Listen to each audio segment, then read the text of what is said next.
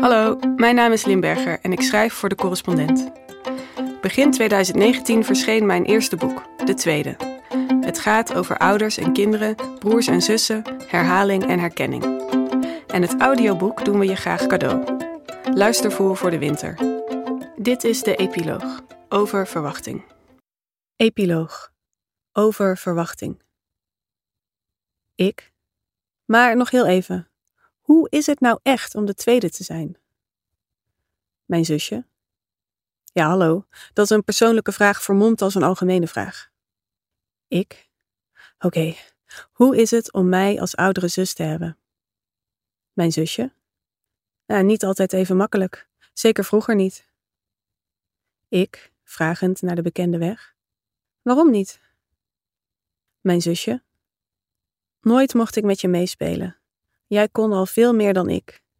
En toen ik voor het eerst naar de brugklas ging, zeiden alle leraren: Aha, het zusje van. Daar keken ze dan heel verwachtingsvol bij. Maar ik wist al lang dat ik die verwachtingen nooit zou inlossen. Ik had nog geen kinderen toen ik het verhaal What You Learn About the Baby las, waarin Lydia Davis in korte, notitieachtige passages de eerste weken met een kind optekent. Ze schrijft hoe je als nieuwe moeder leert om ochtends meteen je bed op te maken, omdat het er anders niet meer van komt die dag. En ze somt het soort vragen op die een baby bij je kan oproepen. Bijvoorbeeld, hoe zijn mond weet dat hij een mond is, wanneer hij de jouwe imiteert. En ze schrijft over de viezigheid die zich verzamelt in de lijnen van het handje van haar baby. Een plakkerig handje dat zeker in het begin bijna altijd een vuistje is. En dus de ideale plek voor omgevingsvuil om neer te slaan.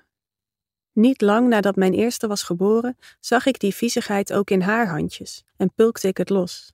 Tweeënhalf jaar later opende ik het knuisje van mijn zoon, om daar wederom het vuil weg te halen. En dit is wat ik me afvraag. Had ik dat vuil ook gezien als ik er niet van tevoren over had gelezen? En als wel, was het dan net zo bevredigend geweest, ook zonder die speciale combinatie van anticipatie en herkenning, zonder de bevrediging van een ingeloste verwachting?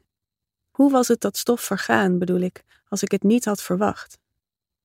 Een paar jaar geleden opperde een groep ontwikkelingspsychologen een nieuwe verklaring voor het feit dat tweede kinderen over het algemeen minder goede schoolprestaties laten zien dan eerste kinderen. Hun studie bouwde voort op het werk van economen, psychologen en biologen, die eerder aantoonden dat ouders hun tijd ongelijk over de eerste en de tweede verdeelden en dat ook de indeling van die tijd per kind anders uitpakte. Daarnaast hadden ze gewezen op het feit dat tweede kinderen van begin af aan in een ander gezin opgroeien dan eerste kinderen.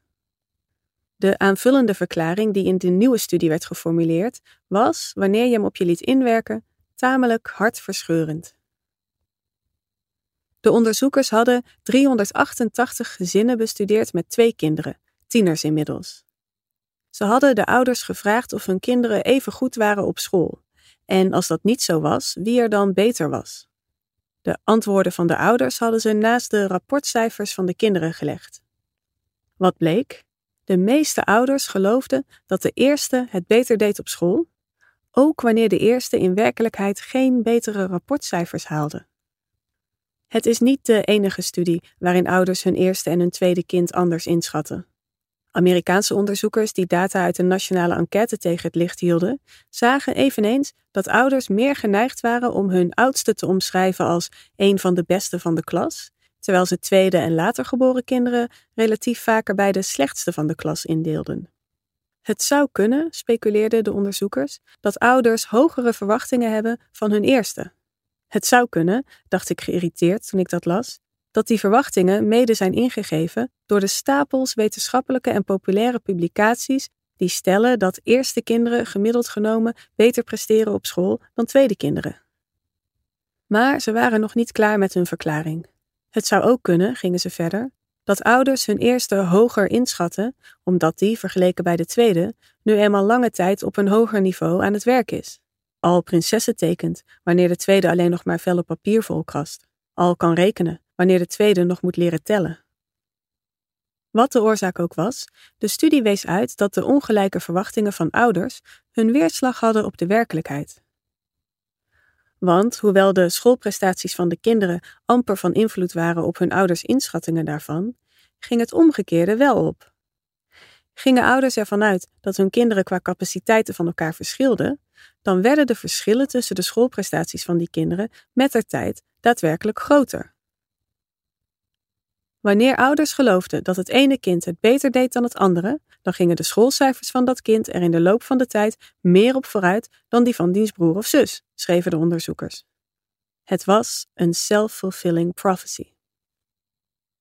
Een verwachting is het geloof dat iets zal gebeuren. We kennen verschillende soorten verwachtingen in ons leven. Verwachtingen gebaseerd op impliciete statistische kansen bijvoorbeeld, of op expliciete kennis over bepaalde mensen en gebeurtenissen. Er zijn verwachtingen aan de hand waarvan we bewuste beslissingen nemen, en verwachtingen die eigenlijk min of meer per ongeluk een effect op ons hebben. Neem het Pygmalion-effect, dat opspeelt wanneer de hoge verwachtingen die leraren koesteren ten aanzien van hun leerlingen, de academische prestaties van die leerlingen positief beïnvloeden. Denk ook aan het placebo-effect, dat in werking treedt wanneer een patiënt verwacht dat een pil zijn pijn zal wegnemen en hij door die verwachting ook daadwerkelijk minder pijn ervaart, zelfs wanneer er niet heel veel meer in zat dan suiker. Artsen weten al eeuwen dat dit effect bestaat, al heette het vroeger anders. In een psychologietekstboek uit 1787 werd het omschreven onder de noemer het effect van verbeelding op het lichaam. Menig ouder maakt er dankbaar gebruik van, dat effect van verbeelding op het lichaam. Wanneer ik de knie van mijn zoon kus na een val, of met mijn dochter een spreuk herhaal om enge dromen te weren, dan schep ik bij mijn kinderen een verwachting. En die verwachting doet iets. Ik doe op zulke momenten meer dan dat, natuurlijk. Ik troost, ik verbind me, ik erken, maar dan nog lijkt verwachtingsmanagement me een van de voornaamste bezigheden binnen het ouderschap. Onze verwachtingen beïnvloeden onze waarneming op allerlei manieren. Bijvoorbeeld wanneer we zien wat we verwachten te zien en over het hoofd zien wat we niet verwachten. Denk maar aan dat ene beroemde experiment waarbij aan proefpersonen een filmpje van een basketbalwedstrijd getoond wordt en zij geconcentreerd moeten tellen hoe vaak de bal van hand tot hand gaat. Dat er halverwege de wedstrijd een gorilla het veld oploopt, verwachten de deelnemers niet. En de helft van hen ziet hem ook niet. Verwachtingen bepalen wat we zien en geloven. En daarmee bepalen ze ons gedrag. En het gedrag van de mensen om ons heen. In die studie waarin ouders hun eerste kinderen als slimmer inschatten dan hun tweede kinderen, werden hun kinderen door de verwachtingen van hun ouders gevormd. De ouders verwachten van elk kind iets anders. En dat kregen ze dus ook. Twee jaar geleden was ik voor de tweede keer in verwachting. En niet eerder zag ik de gelaagdheid van dat woord: verwachting. We verwachten een kind in de zin dat we erop wachten, dat we geloven dat het geboren zal worden. Maar we verwachten ook een kind, in de zin dat we ideeën hebben, aannames over wie dat kind zal zijn en over wie wij als ouders zullen zijn. Maar waarop baseer je je gedachten en gevoelens over je kinderen? Op datgene wat je weet over die kinderen zelf, of op wat je over hen denkt te weten? Ik denk aan de opvoedcursus die ik bijwoonde. Aan hoe de docent ons probeerde uit te leggen dat als je maar vaak genoeg tegen de oudste zegt hoe slim ze is, of hoe verantwoordelijk of hoe behulpzaam, dat ze dat dan gaat zien als haar identiteit, haar rol, als een verwachting waaraan ze moet voldoen. En dat als je jongste maar vaak genoeg hoort hoe stoer en dapper hij is, dat hij dan gaat denken dat het zo hoort, dat het niet anders kan. Eén moeder, die haar jongste zoon altijd een boefje noemde, werd rood. Een andere, die haar dochter eerder die dag als gevoelig had omschreven en haar zoon als veel stabieler, voelde zich schuldig. Wat ik begin te begrijpen, trager dan me lief is, is dat de kennis die we denken te hebben, de verwachtingen die we koesteren ten aanzien van onze kinderen, verwachtingen die ons de illusie van voorspelbaarheid en controle bieden, dat die kennis het vermogen heeft onze kinderen vast te zetten of in te deuken. Dat onze overtuigingen het vermogen hebben deuren voor onze kinderen dicht te gooien, paden onbewandelbaar te maken en opties uit te sluiten. Mooi, roept mijn zoon wanneer ik hem voor de zoveelste keer in de rafelige prinsessenjurk van zijn zus hijs. Mooi, echo ik. Toen mijn dochter twee jaar eerder zulke jurken begon te dragen, was mijn enthousiasme minder onverdeeld geweest, mijn reactie ambivalenter. In haar verlangen om mooi te zijn, meende ik het begin van een preoccupatie met schoonheid te bespeuren. Het startschot van een ontwikkeling die begint met prinsessenjurken en eindigt in een eetstoornis. Zijn ontluikende liefde voor synthetische, glimmende en zwierende kledij zal in de kern niet anders zijn dan die van haar destijds was. Jurk. Mooi. Punt. Typisch iets voor mijn soort mensen om er in zijn geval iets taboe doorbrekends in te zien. Of in elk geval iets wat afwijkt van de norm. En om daar dan zelf bevrediging uit te halen. Dat de jurk een andere betekenis aanneemt nu de tweede haar draagt, ligt aan mij. Het is projectie. Ik kijk naar mijn kinderen, maar ik zie mezelf. Waar komen je opvattingen over ouderschap vandaan? Waar die over het opvoeden van de eerste en de tweede en waar die over het opgroeien met een broer of zus? Er zijn boeken en forums, er zijn gesprekken met vermoeide ouders uit je vriendenkring. Er zijn herinneringen aan je eigen kindertijd, het beeld dat je hebt van je eigen ouders, je ideeën over je eigen broer of zus. En er zijn de volkswijsheden, de populaire waarheden die door de ether lijken te zweven en die je daaruit kunt pakken precies op het moment dat je ze nodig hebt. Gemeenplaatsen en clichés over je plek in het gezin en wat die met je doet, bijvoorbeeld. Of over de hoeveelheid aandacht en tijd die ouders idealiter aan hun kinderen besteden. Op het fundament van al die bronnen samen trek je je ideeën, je verwachtingen op over hoe het je kinderen en jezelf zal vergaan. Soms kan je iets duizend keer horen zonder het te begrijpen, en komt het de duizend en eerste keer ineens wel binnen. Ergens tussen die cursus en zijn ontdekking van prinsessenjurken begon het me te dagen. Het begon met de dagen dat wat ik verwachtte en vreesde voor mijn tweede kind te maken had met hoe ik de relatie zag tussen mij en mijn zusje.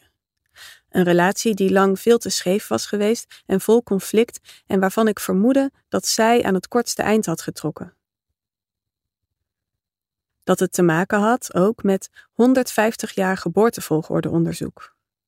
Met de hardnekkige theorieën van Sigmund Freud, met de obsessies van Charles Darwin, met mijn eigen verlangen naar voorspelbaarheid en herkenbaarheid. Met de boeken en artikelen en verhalen van andere ouders over andere kinderen. Waar het niets mee te maken had, of in elk geval heel weinig, was mijn tweede kind zelf. Het is onmogelijk om het ouderschap volledig blanco tegemoet te treden. De tweede keer lukt dat zeker niet, al was het maar omdat herhaling vergezeld gaat van verwachtingen of omdat de toegenomen routine je het zicht op het wonder kan ontnemen. Maar dat wil niet zeggen dat ik het niet toch kan proberen, elke keer opnieuw, om het verhaal over mijn kind niet al van tevoren te vertellen. Om de verhalen die ik ken zoveel mogelijk te vergeten. En vervolgens niets anders te doen dan te luisteren en te kijken. Bijvoorbeeld naar hoe je, wanneer je net kan lopen, op een laag afstapje afhobbelt, je kikkerknuffel op de grond gooit, plat op je buik gaat liggen en het achterwaarts afdaalt, als ware het een ravijn waar je van af moet klimmen, met alle omzichtigheid die daarbij hoort. Naar hoe je naar je zus kijkt wanneer ze danst en vervolgens naar haar toe loopt, voor haar gaat staan en je handen uitstrekt tot zij ze vastpakt. Hoe trots je dan om je heen kijkt naar hoe je schaterend van de glijbaan gaat, neerkomt, opstaat en snel weer naar de trap rent voor iemand anders kan glijden en voor ik je kan optillen om je mee naar huis te nemen. Het feest der herhaling, opnieuw en opnieuw en opnieuw en opnieuw, dat niet onderbroken mag worden. Naar hoe je met Jip en Janneke op de bank zit en, wanneer ik je vraag of ik je zal voorlezen, van nee schudt. Hoe je dan je rug naar me toe draait, zodat ik het boek niet eens kan raken, hoe je driftig begint te bladeren en jezelf voorleest in een taal die alleen jij kunt verstaan. Naar hoe je in je autostoeltje zit, achter mij op de achterbank, tijdens die lange autorit naar Italië. Hoe ik mijn hand naar achteren steek en jij die vervolgens vastpakt en jezelf ermee begint te aaien, precies zoals jij het wil. Gezicht, buik, bovenbeen en opnieuw en opnieuw. En ik weet dat ik dit ga vergeten en dat er zoveel meer is dat ik al lang ben vergeten. Maar misschien is vergeten ook een vorm van loslaten, ruimte bieden, bedacht ik laatst toen we gedrieën over het schoolplein liepen, hand in hand in hand. Jij liep in het midden. Een vreemde mengeling van angst, pijn en verrukking welde in me op. En ik wist dat ik op dat moment niets anders nodig had dan dit. Het giechelen van twee kleine mensjes die eens in mijn buik zaten en nu nog bij mij en mijn vriend thuis woonden en die ooit ergens anders hun huis zouden maken. Maar die voor nu bij ons waren en bij elkaar. Dat was het. Je hebt de tweede uit.